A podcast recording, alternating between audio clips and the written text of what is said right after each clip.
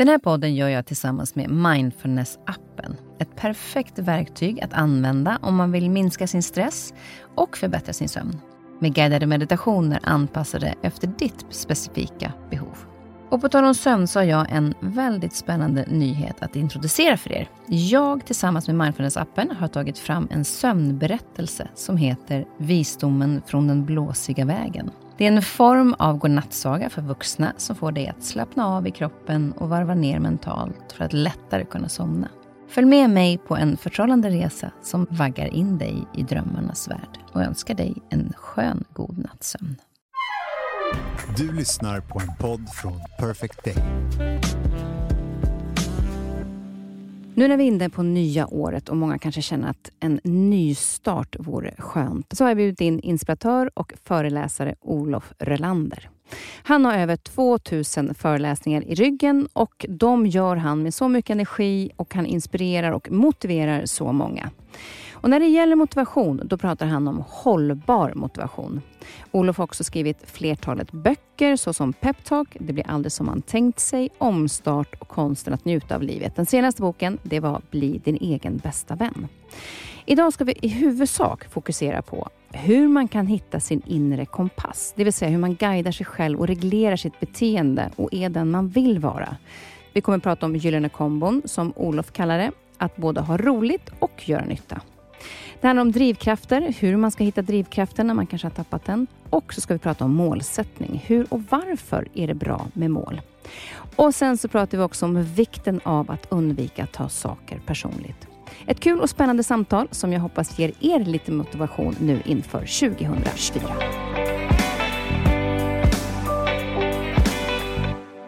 Välkommen Olof. Tack så mycket. Hur mår du idag? Det är, det är bra med mig. Eh, och det är ofta bra med mig faktiskt. Eh, för att jag jobbar ju mycket med att eh, inte bara hoppas att det ska bli en bra dag eller så, utan jag försöker ju så, life by design, så att säga.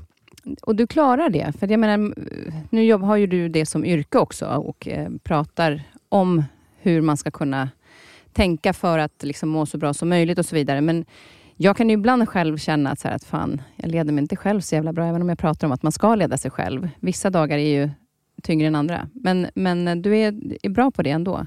Ja, men varje människa för ju sin egen inre kamp för uh, att försöka dels vara en bra människa och försöka få saker gjorda och eh, leva upp till den man vill vara och allt det där. Och det, det ingår ju i alla människors liv, mitt också såklart. Det, det är en fight man får ta varje dag. Alltså.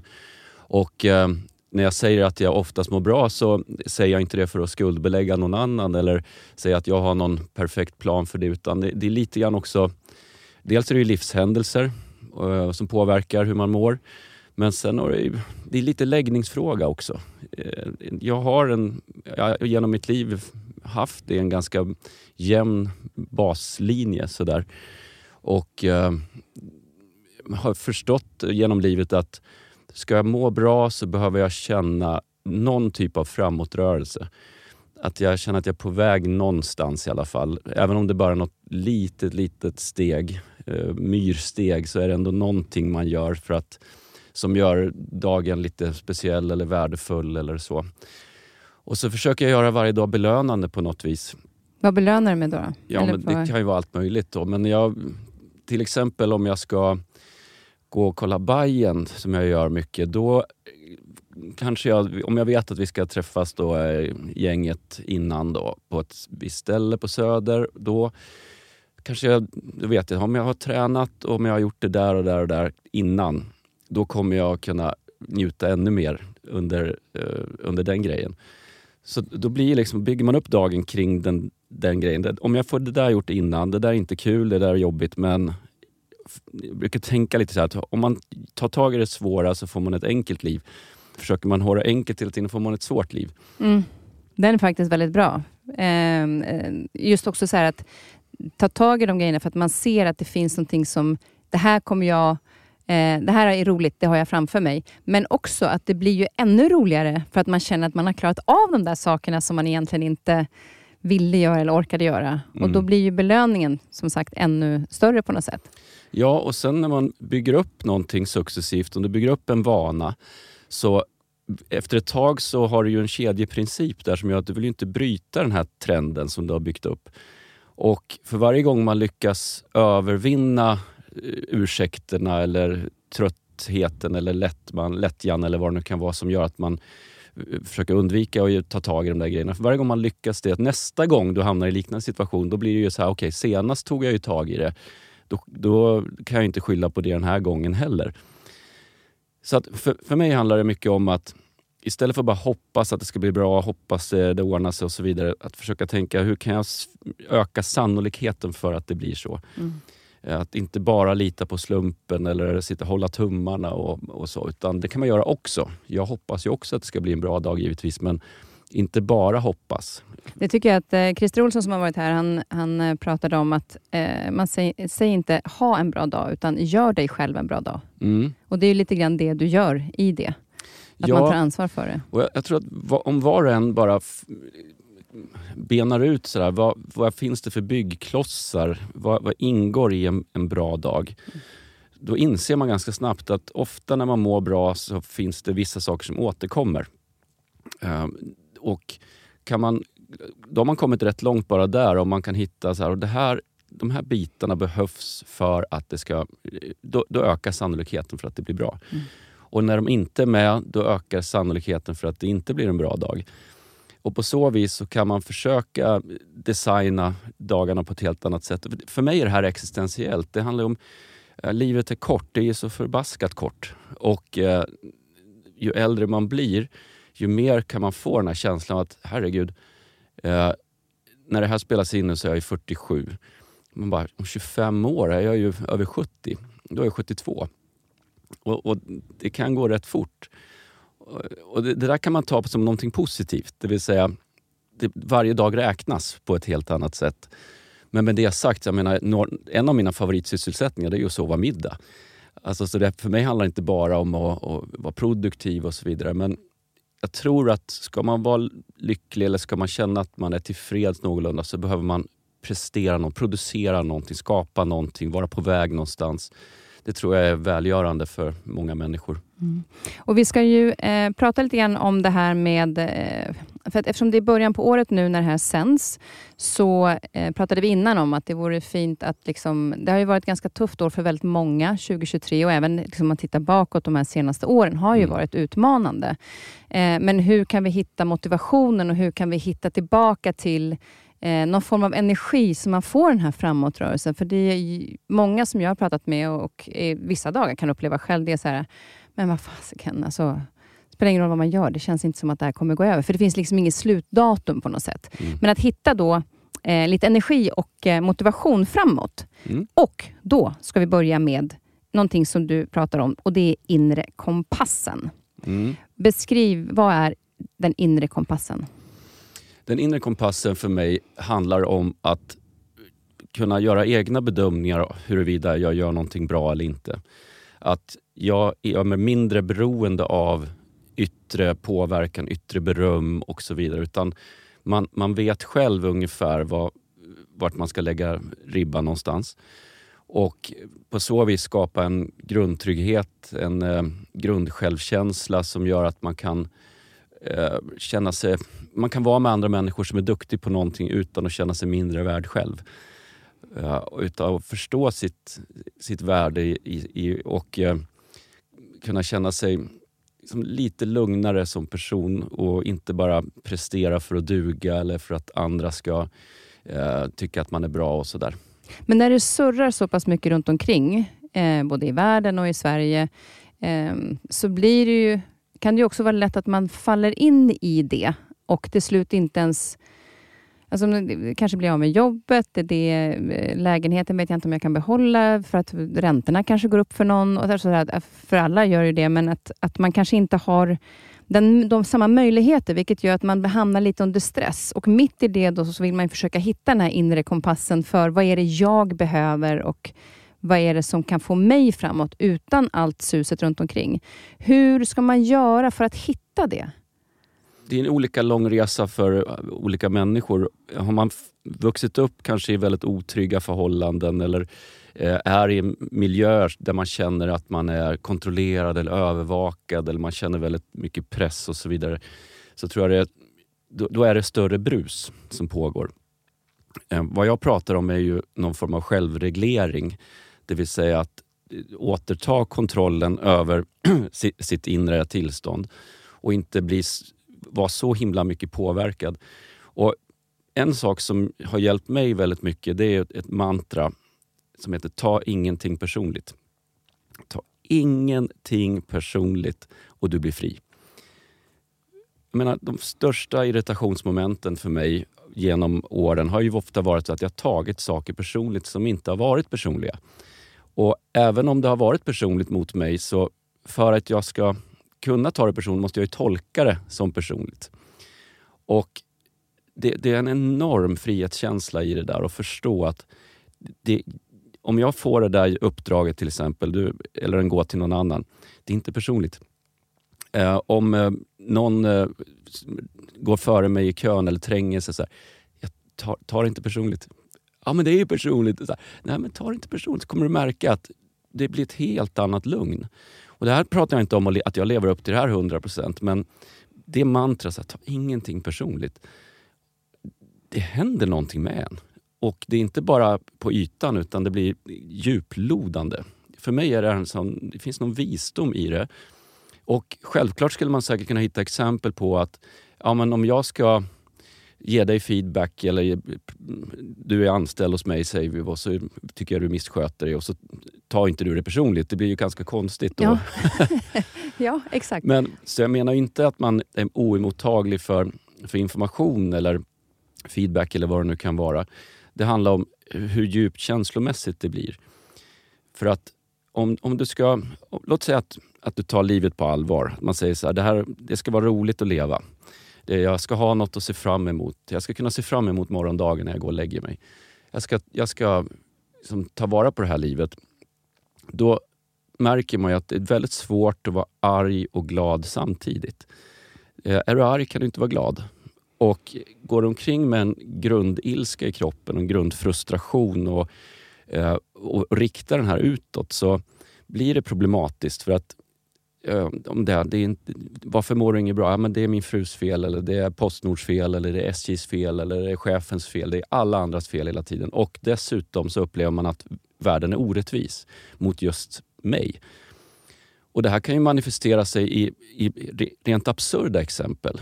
Eh, du står på perrongen i Hallsberg och det blåser och det är kallt och så är det tågförsening.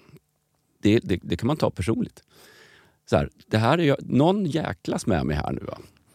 Eh, just när jag har bråttom. Ungefär som att det sitter någon i ledningscentralen och bara, ja, jag ser att Olof Rolander står på perrongen i Hallsberg. Han ser ut att må rätt bra. Kan vi göra någonting? Ja, vi fixar ett elfel, kanske retar upp honom. Är du med på poängen? Ja. Alltså, testa det här så, så kommer du märka att det, det, är inte någon lätt grej att leva upp till. Men varje gång det funkar så får man ett leende på läpparna. Så här, det, det, kan inte reta upp mig för jag tar det inte personligt. Och På så vis kan man hålla fokus på andra saker istället som kanske är viktigare än att eh, hela tiden ge igen för oförrätter. Eller så här. Det kan ju inte vara en oförrätt om du inte tar det personligt. Mm. Vad ska du ge igen för då? Det, det var ju inte riktat mot dig. Och till och med när någon kanske skäller ut den eller säger något dumt och sådär. Inte ens det är ju personligt för det kanske ligger hos dem. De har issues. Det har inte med dig att göra. Så det här med att liksom hålla... Eh, för just det här med personligt kan ju också vara eh, lite grann som du säger, att det blir så känslomässigt istället för att det kanske är eh, som yrkesmässigt prestationen. Alltså när det handlar om prestationen och man får en feedback på hur man kanske borde göra det här ännu bättre, eh, så blir det att han tycker inte om mig. Mm. Istället för att, okej, okay, vad kan jag göra för att det ska bli ännu bättre? Att, det, att man sätter det lite utanför. Mm. Är det det också som man bör tänka på i sådana situationer? För det, du kan ju ändå möta... Du behöver ju ändå ibland ta till dig vissa saker mm. för att du också ska bli bättre. Men är det bra då att skilja på, skilja på det känslomässiga och det praktiska? Mm. Ja, precis. Det är en, det är en del, del av poängen. Men, men då, då, kommer vi tillbaka också till den här inre kompassen. När man jobbar i, in, in, vissa yrken, som mitt yrke, är väldigt mycket tyckesbransch. Eh, jag, man får bli betygsatt efter ett föredrag, folk tycker si och så om ens böcker. Och eh, det är klart att nu har jag haft goda turen att få väldigt mycket uppskattning och beröm för det jag gör och sådär. Men då och då så kommer det ju grejer som är väldigt lätt att hamna nära hjärtat. För att det, det jag gör är så väldigt nära den jag är. Och eh, att jobba då i bedömningsbranscher så där, det, det, går inte att säga emot. Om, om jag känner så här, det där var... Jag kan inte göra ett bättre föredrag än det där. Och så säger någon så här, men jag tyckte inte det var bra. Nej, men vad ska jag göra åt det? Om de däremot säger, men jag vet hur du skulle kunna göra det bättre. Då, då är det klart jag skulle kunna tänka mig att lyssna på det. Eh, för att man blir aldrig färdig med något yrke. Men jag tror att, tillbaka till inre kompassen, jag har rätt bra koll på när det är bra och när det inte är bra och vad jag kan göra. Alltså, och det tror jag är ganska välgörande för många om man inte, för det är så lätt att bli så många kockar i soppan. Någon säger så här, du borde prata lite snabbare. Någon säger, du borde prata långsammare. Eh, där så plötsligt tappar man sig själv någonstans för att man saknar den här inre kompassen. Och Jag tänker också så här, till exempel med sociala medier, att det finns ju många Eh, nu tänker jag yngre, men det finns säkert de i vår ålder också. Nu räknar jag in dig i min ålder, för att vi är ändå runt 50, även om jag är några år över eh, 50. Eh, men där man ser, liksom, när man själv är lite osäker kanske på sin inre kompass, och så ser man vad alla andra gör som är framgångsrika, eller de är så omtyckta, och så, tapp, så ser man det liksom utåt så mycket och tror att det är så jag ska vara för att vara omtyckt eller göra någonting bra.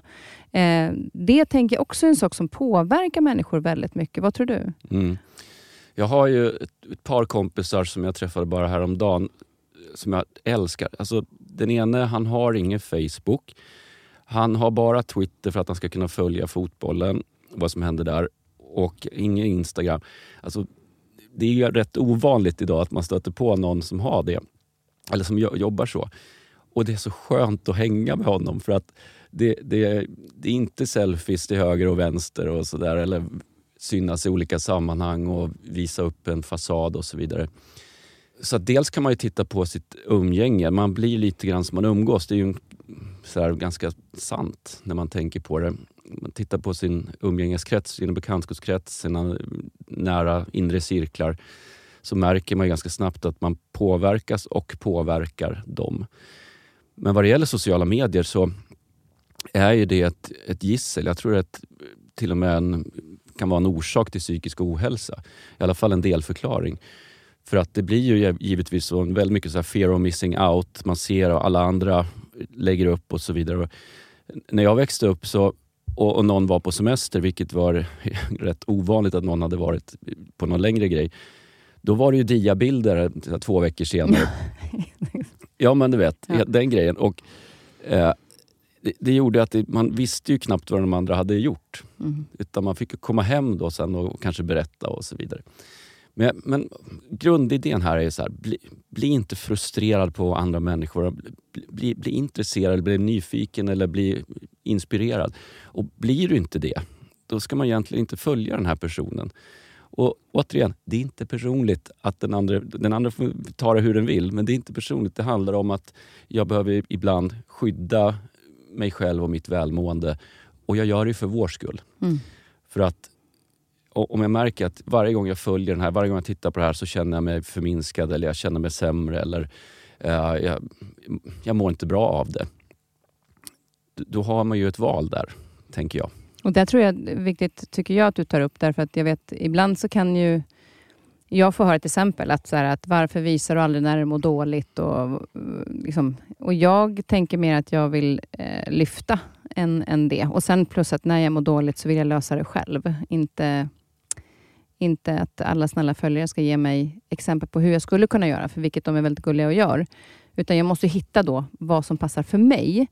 Eh, men det jag också tänker på är ju att när man är till exempel i en relation, eh, så kan man ju också i en relation tappa sin inre kompass för att eh, man kanske blir medberoende eller att man följer det den andra personen kanske vill helst. Eh, och Man gör det i början av ren kärlek, men till slut så tappar man det. och hittar inte sig själv i det och vet, tror att man vill det den vill, men man känner inte igen sig själv. Där, hur, gör, hur ska man tänka då för att känna, jag börjar tappa bort mig själv i den här relationen. Eh, jag gör någonting för någon annan och jag vill inte förstöra för den personen, så jag fortsätter att göra så. Mm. Vad, vad gör man där? Ja, någon relationsexpert eh, vill jag väl inte kalla mig, men det, det finns väl vissa, vissa, grundläggande saker man kan diskutera i koppling till det här. Och det, eh, det, det, är lätt att bli... Alltså man ska ju anpassa sig till varandra, brukar man ju prata om. Sådär. I, I en nära relation så behöver man också anpassa sig. Men akta sig för att bli ihjälanpassad. För, för någonstans, och det här sker ju successivt. Det här sker ju nästan omärkbart i början. Och plötsligt har du tappat din inre kompass. Du har eh, umgås inte plötsligt med vissa vänner som du gjorde innan och så vidare. Och det finns, tror jag, vissa typer av partners man ska akta sig för. Och det är de här som har väldigt stort kontrollbehov och som är väldigt övervakande. Och det är lätt att tolka det i början som att det är kärleksförklaringar. Eh, hon, han, han, ofta är det en han, va? Eh, men det finns ju givetvis kvinnor också som gör så här. Uh, men han var så fin, han hämtade mig på jobbet och han gjorde det si och så. Sen successivt märker man att du blir mer och mer isolerad, mer och mer avskärmad. Till slut så får du fråga om du får gå på toaletten. Alltså, du, mm. Allt handlar om att inte göra fel för att inte reta upp den här människan. Och de gånger den här personen blir uppretad så får du förklaringen att hade du bara skött dig annorlunda hade ju inte jag blivit förbannad. Alltså det är ditt fel att jag är arg det här är ju människor, jag kan inte se hur man ska kunna vara lycklig i en sån relation. Eh, det enda som kommer att ske är att man blir mer och mer nedbruten, tappar bort sig själv fullständigt. De här människorna ska man akta sig för alltså, för att det, det, man förlorar någonting som man inom psykologin, inom motivationsforskning pratar man om att varje människa behöver autonomi. Och autonomi, mycket förenklat kan man säga, är att man känner att man har eh, händerna på ratten så att säga. Att man har möjlighet att få göra vissa val, att man har möjlighet att påverka vissa saker, att man har inflytande och eh, viss psykologisk frihet. Och om någon då tar bort det där från dig, då visar ju studie efter studie att det, det, någonting sker där. Man, plötsligt mår man sämre, man fungerar sämre, eh, livet blir inte lika kul och eh, det blir bara en massa måsten och tassa på tå och gå på äggskal och så. Och, och det återigen, man, det är så lätt att ta det personligt. Då, att ja, hade jag, om jag bara sköter mig lite bättre, om jag bara gör si och så, så kommer det, kan jag förändra den här människan eller då kommer allting bli bättre och så vidare. Om du är i en sån här relation, då är i alla fall mitt råd så här, ta dig därifrån så fort du bara kan och eh, även om det, det, kan vara farligt också mm. med vissa av de här människorna. De är ju, men men det, är inte, det är inte ditt fel. Du hade otur och det, det jag kan tycka bara är, som är skönt ändå när du pratar om så här inre kompass eller tar inte personligt, det är att det finns liksom eh, två ord som man kan hålla i. Alltså, vart är min inre kompass? Alltså, är det här min inre kompass? Vad, vad känner jag i det här? Mm. Eh, att, att sätta sig ner och reflektera över det om man är själv för en stund. Vad är, gör jag det jag vill vara? Och Jag brukar säga att när man anpassar sig, att man kanske är mera i en sund relation så är man mer följsam. Mm. Att Det är klart att jag vill göra någonting för min partner, för jag tycker det är kul att se honom glad och det kan vara roligt, jag kan lära mig något. Och då är jag lite mer följsam, men att jag gör väl det då, för hans skull. Eh, att hitta den här följsamheten istället. Men att just komma tillbaka till att kärnan i det är min inre kompass. Och för att man själv ska vara hel och göra, leva det livet man själv vill, så behöver man lyssna på den. Och Det kanske inte är så lätt att göra på en gång, tänker jag. Att man hittar kanske inte på en gång. Om man sätter sig ner, så här, även om det är någon på jobbet. Bara, vad är min inre kompass? För nu är jag vilsen. Mm. Att man ska man ha lite tålamod och hämt, hitta det?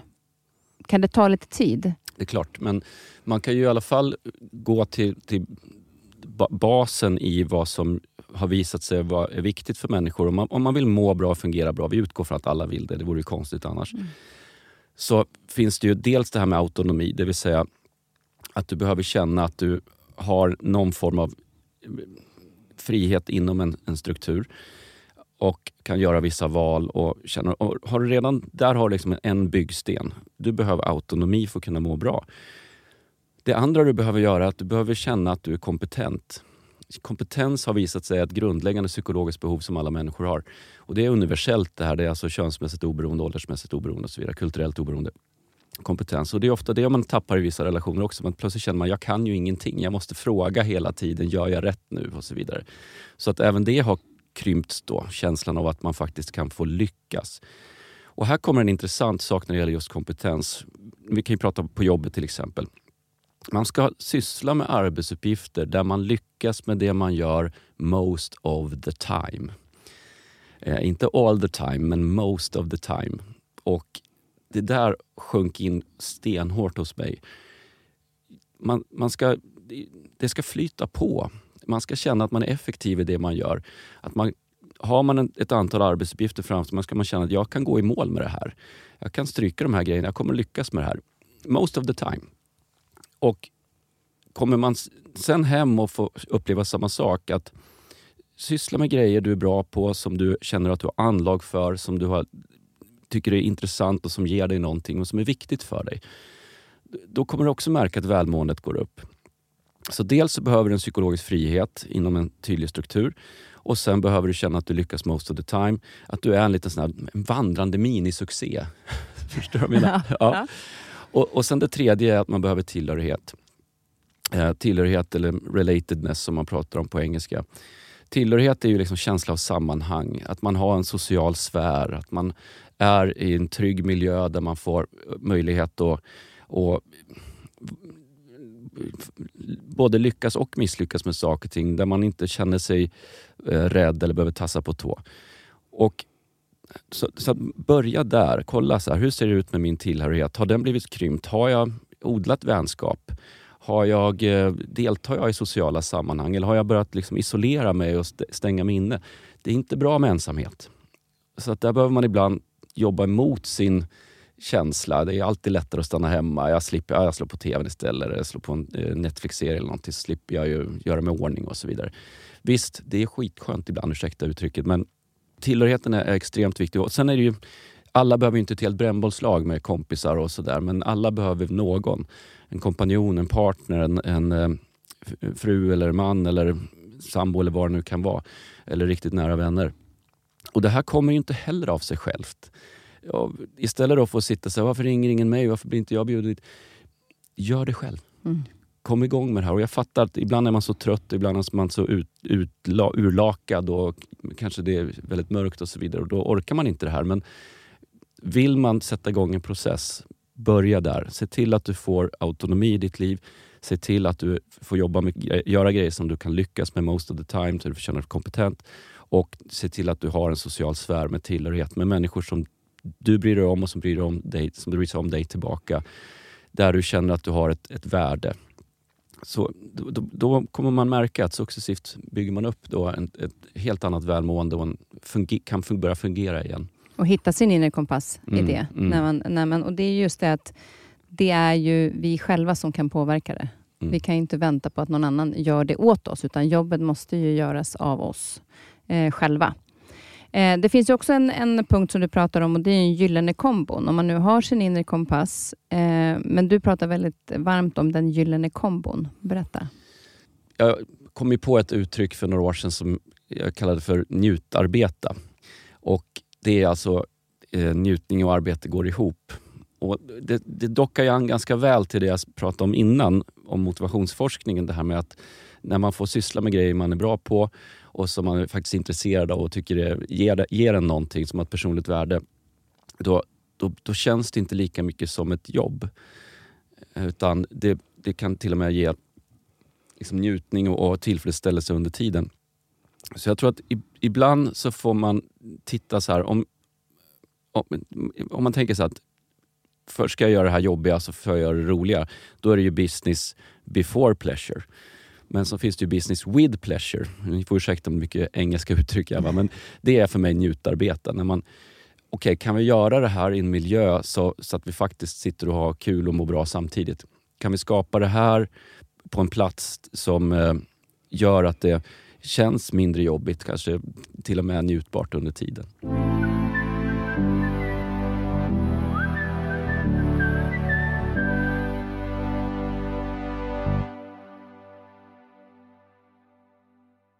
Den situationen som har varit nu så kanske är, eh, det är inte jättelätt om man till exempel nu har jag vet att det är många som har blivit varslade och att det är mycket sånt som har hänt under det senaste året. Att det kanske inte är så lätt att välja alla gånger.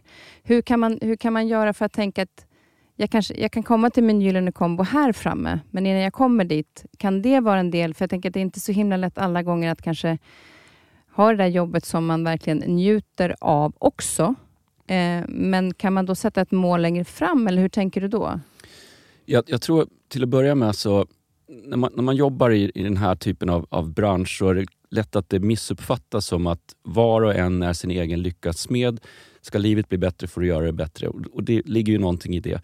Men sen behöver man också ha en viss ödmjukhet inför hur livet ser ut. Vi, eh, det är orättvist. En del växer upp på en soptipp på Manilla. Det är inte deras fel. Men de förutsättningarna för att skapa ett värdigt liv är ju extremt låga jämfört med andra som får helt annan, helt annan grundtrygghet, som får kärlek från start och så vidare. Och så finns det en massa slumpmässiga faktorer. så att Jag brukar tänka så här att ta inte på... När det, när det går bra, så bra är du inte. Ja, hur och, tänker du då? Jo, jag, jag kommer till det. Ja. Och när det går dåligt, så dålig är du inte heller. Så jag kapa to, do, topparna och dalarna för att allt det här ligger inte... Det är inte du, det är inte bara ditt fel när det går dåligt och det är inte bara din eh, framgång när det är framgång. Utan det är en massa, massa faktorer som möjliggör att vi ska kunna spela in podd till exempel. Det hade inte gått utan vissa förutsättningar som ligger utanför vår påverkan.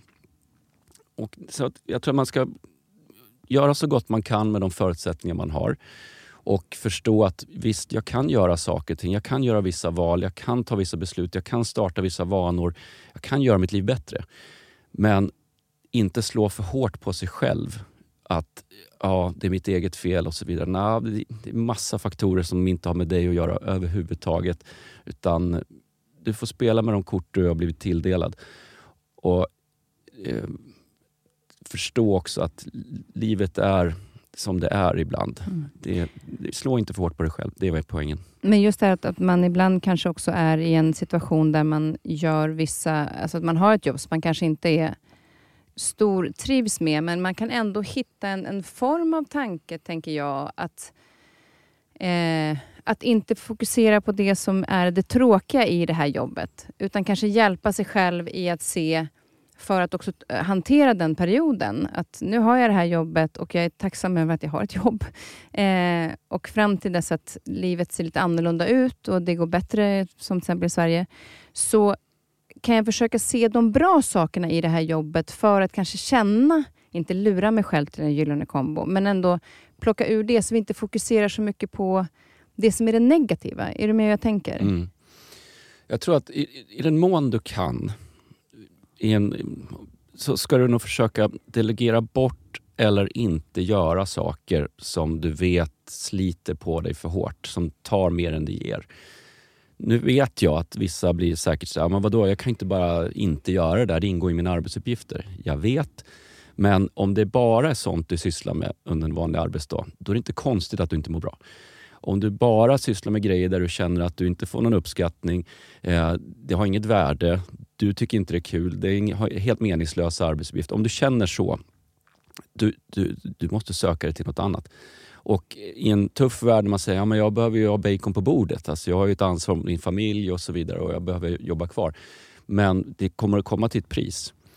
Förr eller senare så eh, kommer någonting att hända med dig och en dag kommer du inte upp ur sängen. Och då blir det problem på riktigt. Mm.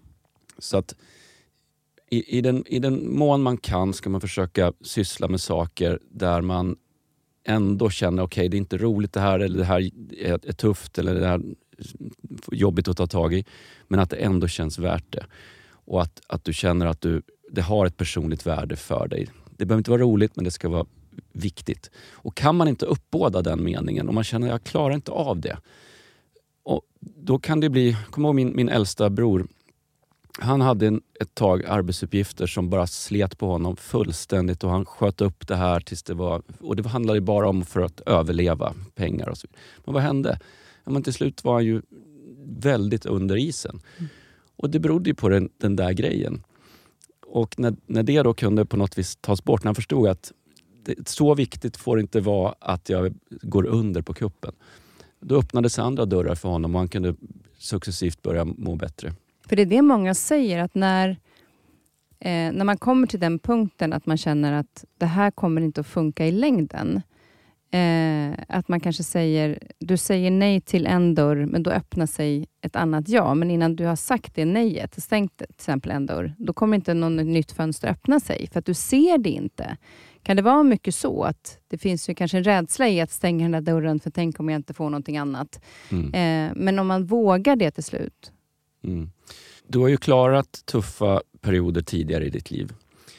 Du har varit orolig förut i ditt liv. Du har haft problem för tio år sedan som du tänkte, det här kommer ju, hur ska det här gå? Det är problem som idag inte kanske finns kvar. Du kanske inte ens kommer ihåg vilka problem du hade för tio år sedan, men då kändes de ju helt otroliga och jobbiga på olika vis. Så ibland kan man fånga kraft i sin egen historia, i sina egna minnen. Du har klarat saker förut. Det här är kanske ännu en tuff period och det är mörkt och kallt ute och det känns som inte finns mycket att se fram emot. Och vad ska hända med världen och ny teknik och miljön och allt det där. Så är det. Det är, det är en våldsam planet vi, vi lever på. Det man kan göra däremot är att försöka hitta någonting, staka ut en riktning framåt så att livet blir värt att leva. Och jag, jag pratar inte om det här bara utifrån att det här ska vara någon form av livsvisdom och så vidare, utan det här är djupt rotat i mig. Alltså jag, är ju, jag tror ju inte på någon högre makt eller något så här afterlife eller någonting sånt, utan jag är ju ateist. Jag hävdar att ska livet bli meningsfullt så får man skapa mening. Och det, det är ett ansvar som jag lägger på mig själv. Och då kan man ju hitta också mening, kanske ännu mer mening utanför. Om man säger nu till exempel att man har ett jobb och inte just nu kan ta sig därifrån därför att det ser eh, lite skakigt ut eh, och jag vill ha bacon på bordet. Eh, men jag kan hitta meningen någon annanstans som stärker mig att, att härda ut den här tiden. Kan det också vara ett alternativ? Definitivt. Det, det finns ju mängder med, med arbetsplatser där man säger själva jobbet i sig kanske inte eh, man jular till jobbet eller tycker att det är så vansinnigt kul. Och så hittar man det någon annanstans. Problemet blir ju om man isolerar sig även privat. Och, eller om jobbet kräver så mycket av en att man inte orkar sen till exempel gå ut och träffa folk eller vara med i sociala sammanhang eller bjuda hem någon på middag eller ta en fika eller gå den där promenaden eller röra på sig och sånt där. Då, då är ju priset för högt. Och jag har all respekt för att det kan finnas perioder i ens liv där man säger nu får jag bara tugga i mig att det ser ut så här. Men ha en riktning framåt. Sätt upp någonting där framme som, som blir en ljuspunkt. Någonting som, så att det börjar, man känner, klarar jag bara ur det här eh, elddopet eller eklutet så, så kommer det bli ljusare där framme. Och istället för att bara tro att man ska lura sig själv i det där, så om man sätter upp ett mål som som gör det värt det, då, då kan man sen börja titta på vägar dit. Och Det har hållit mig uppe många gånger när det har varit tuffa perioder. Att eh, okej, det är tillfälligt. Smärtan är tillfällig. Mm. Det, det kommer att bli bättre. Just det. Och nu kommer vi eh, automatiskt in på mål. Mm. Eh, är du målmedveten själv? En kompis till mig sa att om han skulle sätta två ord på mig så sa han kompromisslöst målmedveten. Jag vet inte om det var så positivt. Men där kom målmedveten. Ja. Har du tänkt dig själv som målmedveten? Jag har varit det sedan jag var liten. Jag spelade i pingis och ville gå på pingisgymnasiet. Det var enda, enda jag tänkte på var pingis. Jag ville- ville bara spela pingis. Kommer in på pingisgymnasiet och går där och insåg då när jag träffade andra som också var ganska målmedvetna att jag stack ut även där. Uh, så att, att prata om det är, är naturligt för mig. Mm. Och jag har blivit mer och mer så med åldern. Så här, jag, har- ingen lust att snacka om grejer jag inte är grundad i. Som, det, som bara låter bra. Utan försöka snacka om saker och skriva om saker som eh, ligger nära hjärtat. Så visst, mål för mig. Jag fattar att vissa blir stressade av bara höra ordet. Så, Åh nej, mål, vad jobbigt. Och Problemet som många gör det är att man höjer ribban för mycket. Alltså, att folk känner ju aldrig att de får nå fram. Men grejen med mål är att du ska kunna gå i mål varje dag. Då förstår man ju själv alltså, vilken, vilken kick det ger. Du ska kunna gå i mål med det du har framför dig varje dag. Det vill säga, du får inte ta på dig grejer som gör att du aldrig går i mål. Och det är det folk gör, att man tar för mycket ansvar. Och man säger så här, lika bra jag gör det själv så det blir gjort. Eller lika bra jag gör det själv så det blir rätt gjort. Ja, vad gör du då? Till slut så är listan så lång så att du lägger det på kvällen med en gnagande känsla att jag räcker inte till. Tiden är en fiende. Jag ligger efter. Du ska ligga i, i fas eller ett steg före så kommer du märka att du mår bättre direkt. Och Då kan det hända att man behöver skala bort vissa saker i sitt liv eller lägga till vissa andra. Men, men där har du, en, tror jag, en, en nyckel till, till välmående. Och just det här med mål, det jag tyckte var, eh, som jag tänkte på, som du sa nu, är att oftast när man tänker mål så kanske är att man sätter ett mål att, eh, ja, dels företag sätter ju hit ska vi nå om ett halvår eller det här året och man sätter budgetar för olika saker. Men också kanske personliga mål att om ett halvår ska jag åka Vasaloppet. Eller, och att det blir, så, det blir ett stort mål där framme. Eh, istället för som du sa nu, att det här med att ha ett mål för dagen. Så att, vad vill jag utföra under den här dagen? Om man skriver en lista, har jag strykit allting nu på den här listan? Och så känner man så här, fasiken, jag fick allting gjort. Men hur viktigt är det att man också tittar på, för ibland kan man ju sätta upp mål för att man tycker att det här skulle jag vilja uppnå, men har jag förutsättningarna att göra det? Mm. Hur ska det, man det tänka ju, när man sätter upp målen? Då? Om, om din, dina, din ambition är högre än din kapacitet så kommer det orsaka stress. Däremot är det intressant med mål, för då pratar vi om framtiden. Mål är ju riktade framåt. Det är ju ingen riktigt som kan förutsäga framtiden till 100 procent. Ibland kan man ju märka när man når någonstans att oj, jag satte det för lågt. Jag borde ha strävat ännu högre. Och andra gånger tvärtom, så saker och ting förändrades och så visade det sig att det där var alldeles för högt satt. Så mål för mig handlar om att ge kraft och energi till nuet. Och det är skönare att gå och lägga sig på kvällen om man vet att jag sa att jag skulle göra det där, jag gjorde det och det har i sin tur tagit mig ett litet steg framåt mot det där längre fram. Så det är lätt att tro att mål gör att man blir mindre närvarande. Mål är, syftar ju till att ge större närvaro. För nu vet jag plötsligt varför jag gör det jag gör.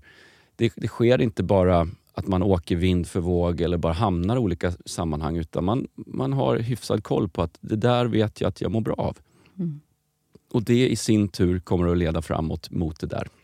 Så att det också, eh, på något sätt så blir ju också ibland, man säger så här, resan är också en del av målet. Ja, en eh, stor del skulle jag säga. Ja, exakt. För att ibland kan jag känna att, det kommer, nu åkte jag ju Vasaloppet, eh, jag har gjort det två gånger, men, men då bestämde jag mig för att det är liksom inte, målet är inte att gå i mål på en viss tid och att jag ska prestera eh, där vid mållinjen. För då blir ju eh, stunden där jag nått mitt mål blir ju så otroligt kort. Den är ju över rätt snabbt. Istället för att se, jag vill nå dit eh, och jag ska göra allt, uppleva så mycket som möjligt under vägens gång och vara närvarande i det. För att då känns det som att det har pågått länge, alltså jag har fått mer av det. Är det, är det ett sätt att göra, att få bort det här liksom stressen kring mål? Ja. Måluppfyllelse kan ju skapa tomhet. Det tror jag många har varit med om. Man lyckades faktiskt med den där grejen men kicken eller euforin varade väldigt kort tid. Sen kommer en dipp efteråt. Vad ska jag göra nu? Och det, det, har vi sett olympiska mästare och så vidare som har nästan blivit deprimerade efter att de vunnit OS-guld. För att man har kämpat för en sak så många år, så mycket svett, blod och tårar. Och sen trodde man att får jag bara det där blir jag lycklig. Och så visade det sig att det var en lögn. Eh, får jag bara det här huset blir jag lycklig. Får jag bara köpa den där väskan blir jag lycklig. Får jag bara, blir jag, träffar jag bara den här partnern blir jag lycklig. Och så inser man att du tar med dig samma problem in i det där nya huset. Och förstår man det till slut så tror jag man förstår också varför man kan bli tom av att nå ett mål.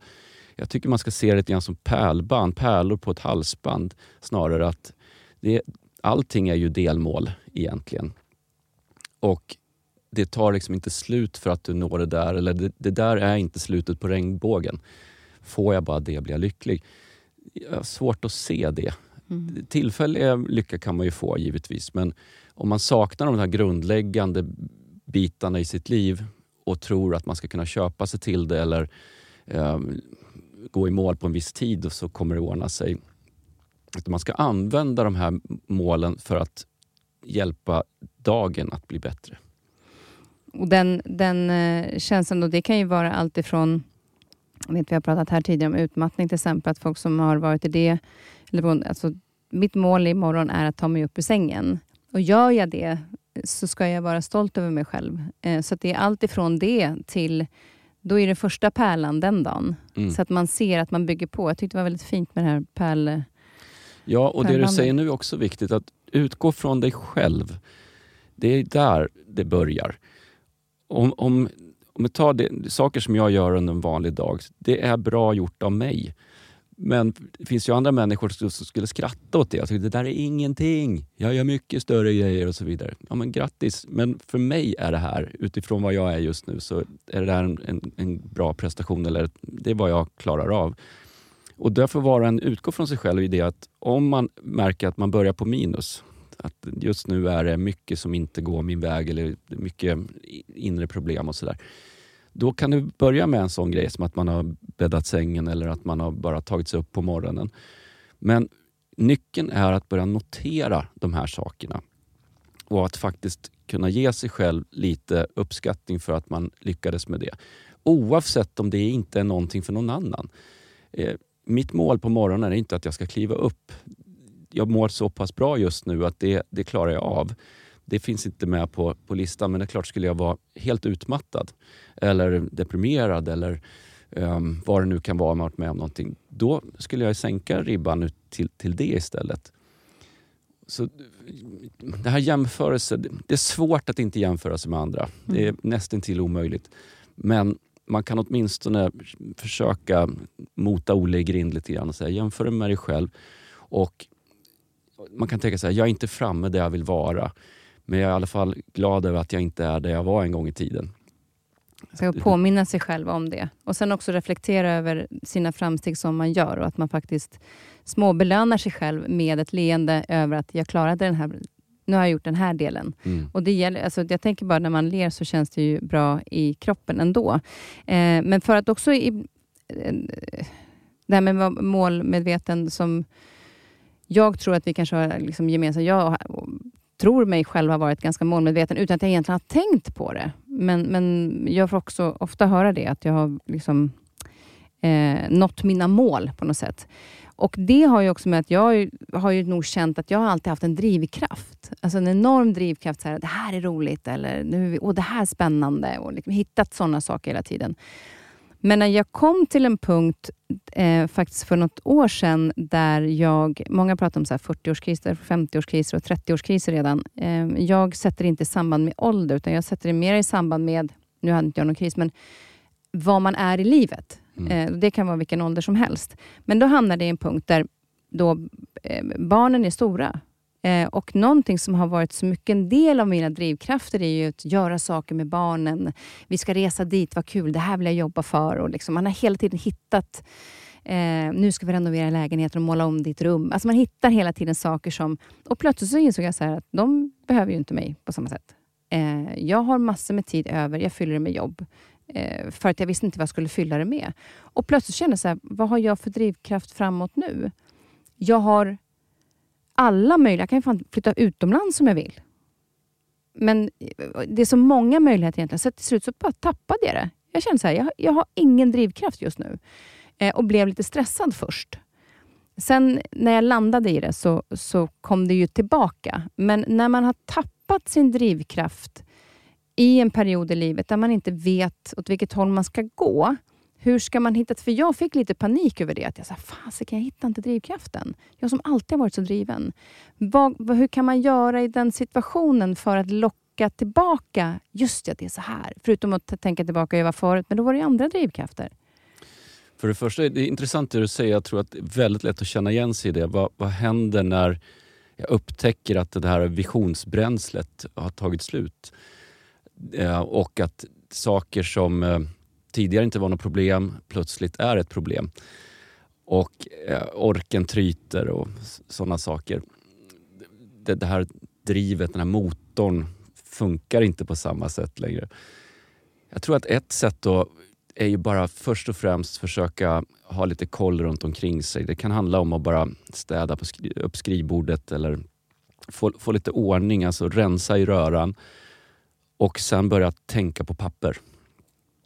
Och det är mycket bättre att tänka på papper eller skriva på datorn än att bara gå omkring och köra det genom sin kvarn. Men att man ska skriva ner? Ja, och så här, då, då, tittar man på vad tycker jag är roligt? Vad, vad ger mig energi? Vad, vad är en bra dag för mig? Vilka människor vill jag finnas för? Och vilka värden är viktiga för mig? Då, på, på, så vis så blir det inte bara så här mos i huvudet utan det här att det sticker åt olika håll. Utan då får man ner det och så man förstår bättre hur man tänker när man får ner det ur sitt huvud och ner på papper eller på, på en, anteckningar på datorn eller vad det nu är. Det är en, det är en start för att se, okej okay, vad är egentligen vad är viktigt just nu? Och jag har ju haft sådär, jag berättade innan att jag spelar pingis, sådär, det var ju mitt allt, det var det enda jag ville göra. Idag vill jag inte spela pingis. Det är inte alls min drivkraft. Men jag har andra saker. Självklart har jag också upplevt genom åren så här, fasiken, vilket driv jag hade i det där då. Var, nu är det tyngre att göra precis samma saker. Så att jag tror att det, det, är en del i att vara människa, att då och då så behöver det finnas ett rena ytor, fria ytor för att något nytt ska kunna komma.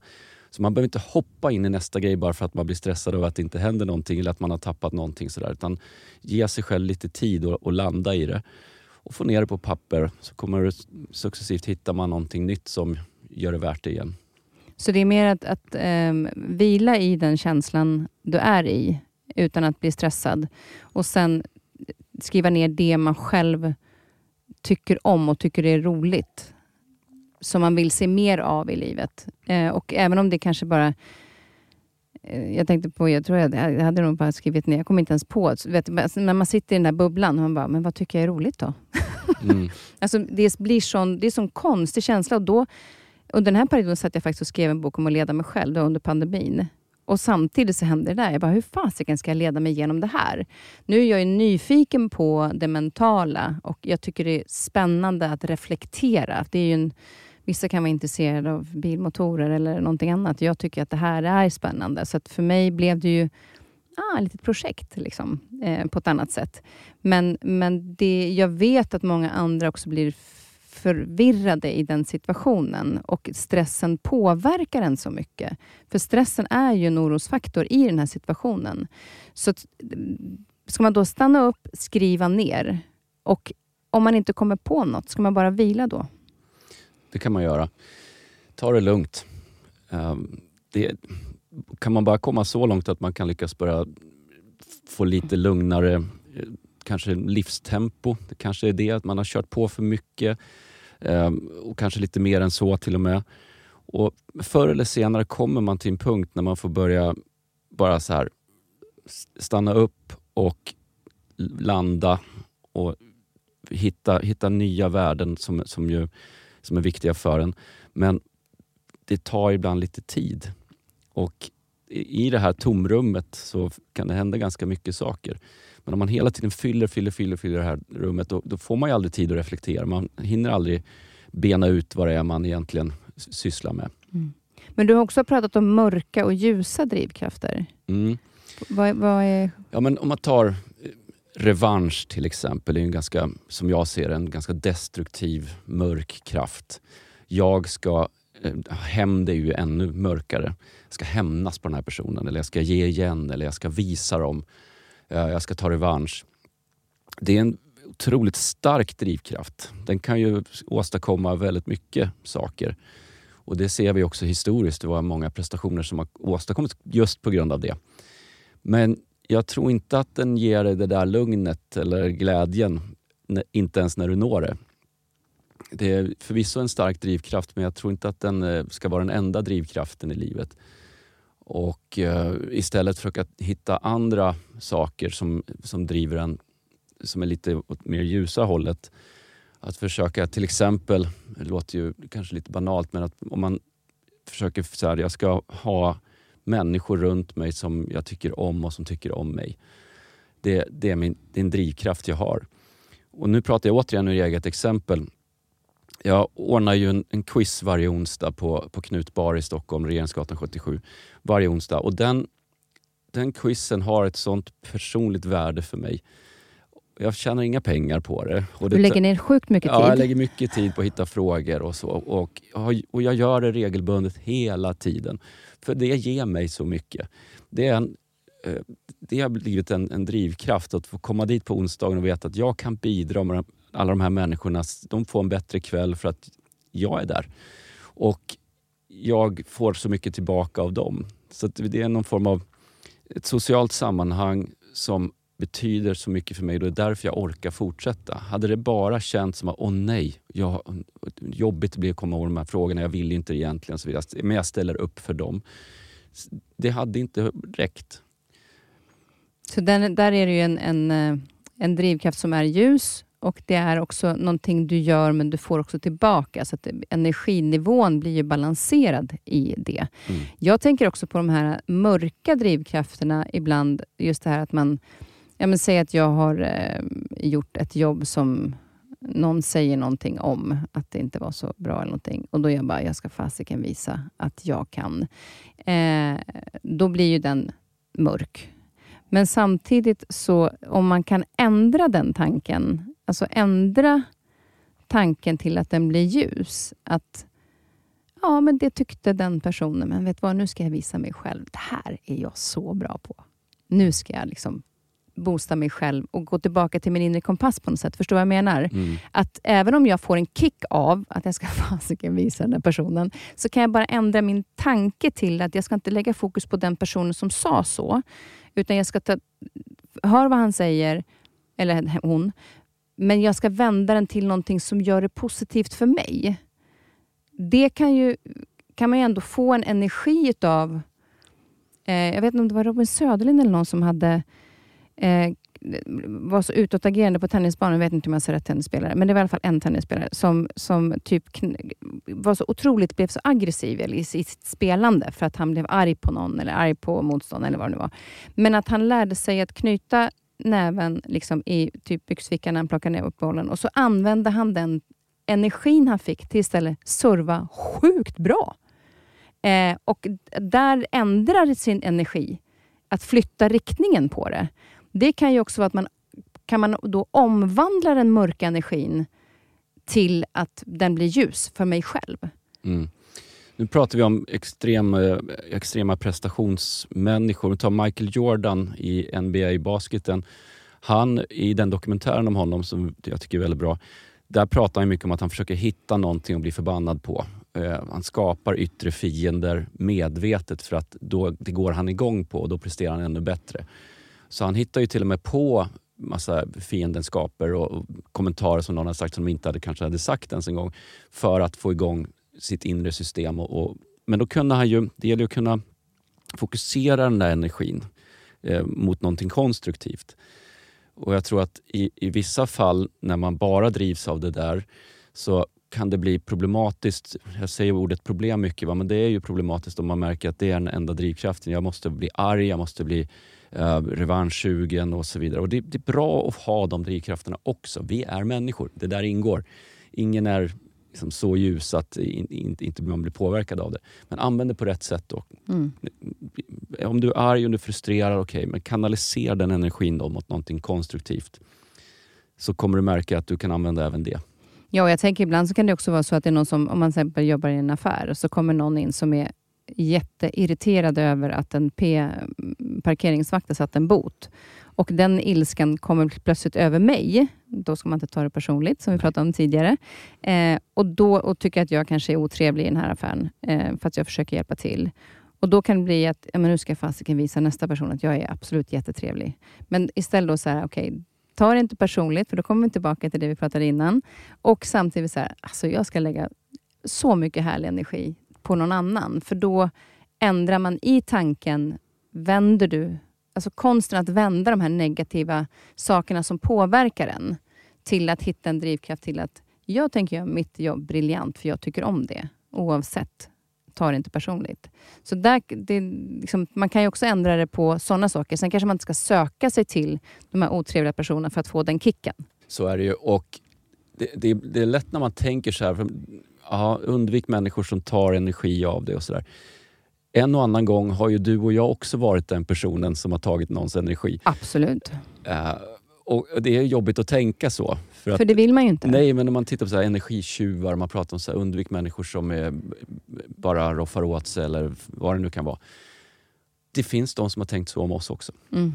Ja, exakt. Och där vi har haft en påverkan, inte medvetet. Och när man inser det, att du är också den personen ibland mm. för andra. Då får man en större ödmjukhet i att ja men jag gjorde ju inte det för det var inte min avsikt. Nej men det kanske inte var den andra personens avsikt heller. Nej, exakt. Man kan också gå till sig själv i det läget och vara lite självkritisk i det. För då blir det ju inte att man tar det personligt.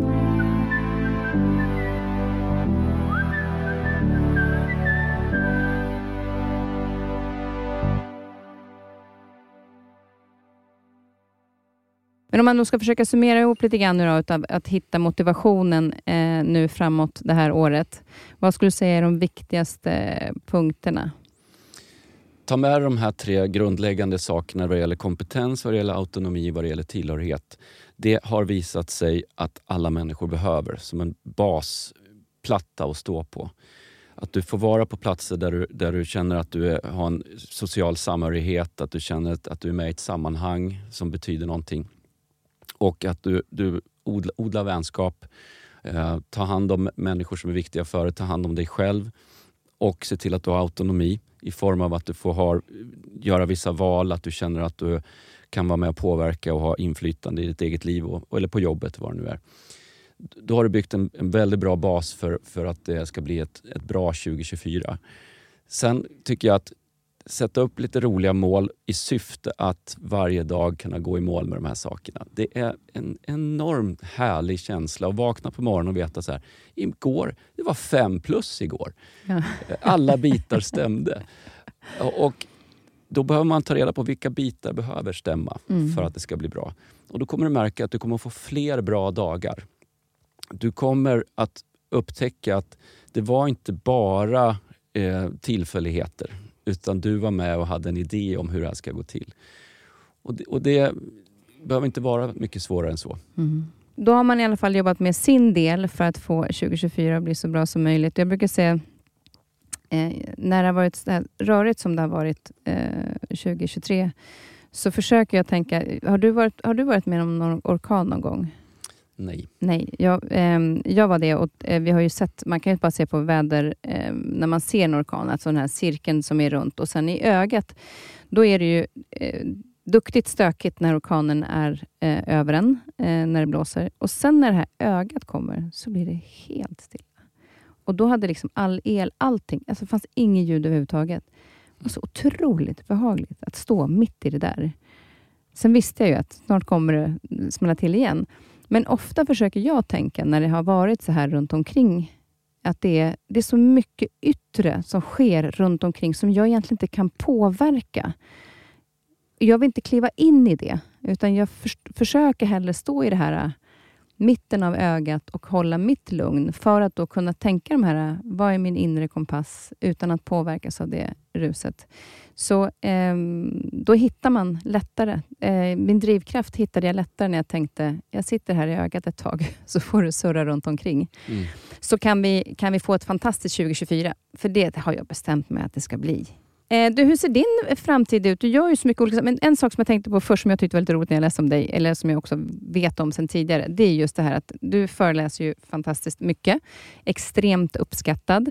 Eh, men du började föreläsa så hade du scenskräck. Mm. Och Jag tycker att den är så skön, den här kombinationen, i hur du ändå bara fortsatte. Vad var det ändå i den här skräcken, som scenskräcken, som gjorde att du ändå ville vara där?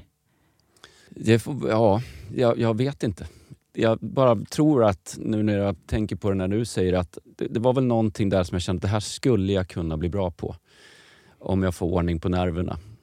Var det någonting som hände där som du kände att det här mådde jag också bra av? Alltså så här, se publiken eller var det någonting som gjorde att det finns, fanns någonting som kickade igång på det sättet också? Ja, det var det säkert.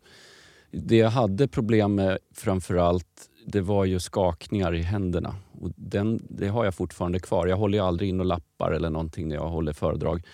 För att då, då kan ju börja, skakningarna börja komma. Och, och, Det händer ju mer och mer sällan men jag hamnar ibland i, på uppdrag där, där jag känn, inte känner mig helt trygg i vad som ska ske. Och då kan det börja komma igen. Och det som händer är ju eh, att man kan få ett flyktbeteende. Jag vill inte vara här. Eh, och Då brukar jag ibland tänka så här, men om en timme är det över. Oavsett hur det går så kommer det vara över om en timme. Mm. Och då är återigen det här, smärtan är tillfällig. Och på något vis så tog jag mig väl igenom det där också. Det var, det var inte förrän jag började få föreläsa regelbundet som det släppte för mig. För från början var det så här, prata en gång och så fick jag vänta i två månader till nästa uppdrag kom. Och på den tiden hann jag bygga upp nervositet igen. Så då hjälpte inte första. Utan det var först när det blev sådär två gånger på måndagen och sen en gång på tisdagen. Sen var det två på torsdagen. Alltså jag fick en regelbundenhet i det. Då hann jag inte, hinna, då hann jag inte bli nervös igen innan nästa. Och det blev ett flyt. Och då kom jag över scenskräcken. Men varför jag ändå gav mig in på det, det, ju, det, det vet jag knappt själv. Det var, det var ju länge sedan nu i och för sig. Men...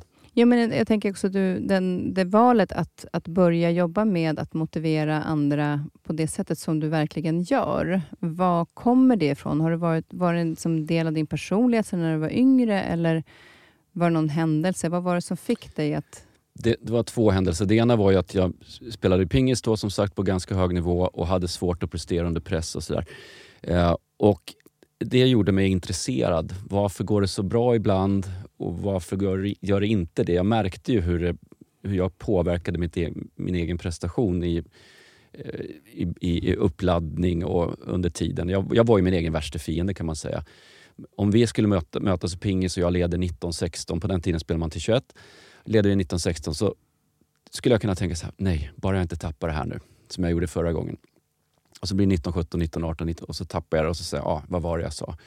Det vill säga, min värsta motståndare var inte på andra sidan utan den fanns på min egen sida. Och det är klart, det där fick mig att börja tänka på sådana saker. Ganska kort därefter fick jag gå en, eller köpte jag en utbildning som hette till licensierad mental tränare som fanns på Skandinaviska ledarhögskolan. Fick jag träffa Lars-Erik Unestål och gå hans utbildning. Och då plötsligt föll bitarna på plats. Jag kunde, någon satte ord på det jag hade upplevt och gav mig verktyg som jag önskade att jag hade haft då. Och då tändes det någonting i mig. Det här, det här borde fler få veta om. Och sen att jag var, var skakig även då som, som talare i början var väl no jag, jag, tror att den grejen nu när du säger att det var nog det att jag trodde så hårt på att det här, om jag tycker det här är viktigt då kom, fler borde höra det här. Och då var ju föreläsa ett, ett sätt att göra det på. Jag hade ju ingen aning om att man kunde leva på det eller något sånt där. Utan det, var, det bara kom där. Mm. Och det har du gjort nu ett tag och mm. det går väldigt, väldigt bra. Ja, och böcker det, har du skrivit också i massor. Ja, sex böcker har det blivit och sommarpratare, årets talare och allt det där. Men framgång, yttre framgång har inte så stort värde. Utan det är ju vägen fram till de där sakerna. De är en bekräftelse på att man har gjort någonting bra. Men jag tror att jag tror du håller med mig där Kristina, att de här yttre framgången eller att man vinner Let's Dance eller vad det nu är som man kan lyckas med. Så är det inte, det, det blir inte så viktigt för en som man trodde det var innan. Men det har varit en del i att en bekräftelse på att jag gjort bra saker, att man får de här möjligheterna att eh, erhålla vissa priser eller få uppskattning och så. Men man ska också se upp för, för den där typen av framgång det, och inte låta den definiera en för mycket. Nej, och där tycker jag nästan att resan, eh, även om det var härligt att, att vinna Let's Dance, så hade, var ju hela resan den som var den viktiga. I hur jag hanterade vissa motgångar till exempel, eller framgångarna. Hur, man, hur gör jag för att prestera på bästa sätt? Hur gör jag för att fortfarande tycka att det här är så himla roligt som jag vet att jag tycker? Alltså, hela den delen var ju det som var viktiga och det gjorde ju att jag upplevde ju vinsten till exempel på den delen som enormt viktig, för jag såg helheten i det. Det var inte bara att lyfta den här skon, utan det var ju vad jag gjorde utav den här tiden som Mm. var viktig. Och där är det ju någonstans också det här som med föreläsning, att, eller när du gör quizen till exempel, att du ger men du får ändå tillbaka. Och det är ingenting man kanske alltid förväntar sig på det sättet. Utan man gör saker egentligen för att man vill själv och typ brinner för det. Och plötsligt så får du massor med tillbaka. Den är ju, den, när man inte går, gör någonting för att få eh, energi tillbaka, utan du gör det för att du tycker att det är kul, då blir ju energin som du får så otroligt mycket mer värdefull. Mm. Sen kan man ju göra saker för att man söker bekräftelse bara. Och den är ju inte samma. Om vi ska köra några avslutande ord så kommer jag tänka på nu någonting som också har betytt något för mig. Det är att allting kan inte vara viktigt att vara bra på. Utan välja ut så här. För mig är det viktigt att vara duktig på att göra quizfrågor. Det betyder någonting för mig. Men om jag förlorar i, i bangolf mot en kompis, det är inte viktigt för mig att vara bra på bangolf. Mm. Om, om man måste vara bäst på allt hela tiden, då får man ju svårt att... Så här, då, då blir det inte kul till slut för att man blir så nedslagen och sådär. Och Det här kallar folk för att ah, men jag är en tävlingsmänniska, jag hatar att förlora och så vidare. Man behöver inte hata att förlora, men man kan ju välja välj områden som är viktiga för dig. Mm. Och för mig är det så här, det är viktigt för mig att vara duktig på att föreläsa. Så där är jag känsligare för kritik och jag vet ju om det. Det är därför det här Ta ingenting personligt har betytt så mycket för mig. Och det är viktigt för mig att göra bra quizfrågor.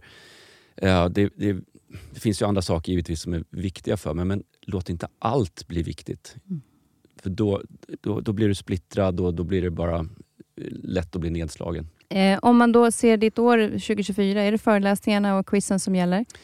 Det blir det och så blir det följa Hammarby då. Och eh, är man eh, fotbollssupporter så hoppas man ju alltid att det ska bli SM-guld. Exakt. Men, Och, eh, så det blir föl- följa det givetvis. Sen gillar jag att laga mat och så ska jag ut på en del öppna seminarier i, i vår. Stockholm, Göteborg, Malmö, Jönköping. Så att det, ser jag fram emot och hoppas att, eh, att eh, resan fortsätter och att man får eh, vakna och vara frisk. Och är man nyfiken på dina föreläsningar och så, så kan man gå in på din hemsida också, bland annat då, där man också hittar alla böcker, oloflelander.se. Olofrolander.se, ja, där finns det. Och sen har jag ett veckobrev som heter Veckans peptalk och det kan man anmäla sig till också på min hemsida olofrolander.se. Då får Va- man mejla mig på måndagar. Ja, men hur, hur, hur länge har du hållit på med peptalk? De har jag skickat ut på mejl eh, sedan 2008. Så det har jag skrivit hundratals eh, sådana korta mejl som man får på måndagar och vi är väldigt många prenumeranter på det. Bara det är ju ehm, just det att man ger någonting för att man tycker att det är viktigt eh, och där det landar hos många andra. Som, eh, för att dela med sig, och det, det kan jag känna också nu när det har varit så mycket rörigt i världen, att kan vi bara dela med oss lite grann av eh, godhet också, eh, istället för att stå och diskutera allting som är skit. Förlåt Mm. uttrycket, men, men vi behöver det. Eh, bara le mot någon när man möter dem på gatan till exempel. Precis. Eh, och Sen finns vi på Instagram, Olof Relander. Och Ja. onsdagsquizen då är på restaurang Knut i Stockholm på Regeringsgatan. Om ni är i huvudstaden, så eh, missa inte det. En fantastiskt mysig restaurang också dessutom. Det är det. Om jag skulle fråga dig avslutningsvis, vad är du nyfiken på?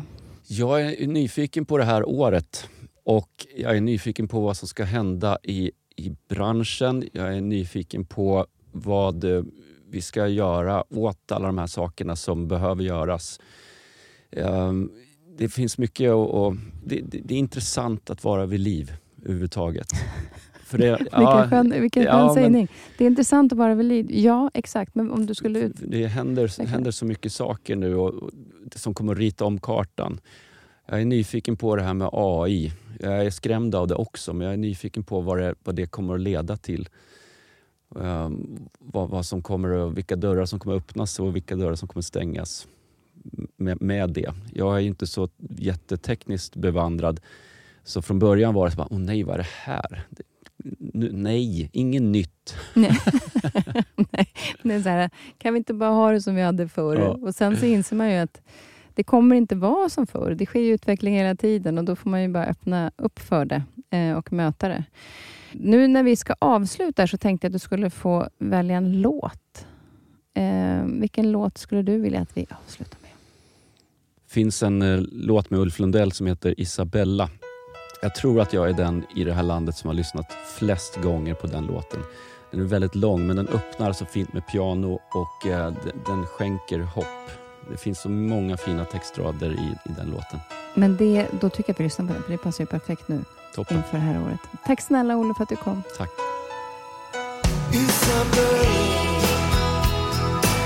Låt inte de jävlarna ta dig De som talar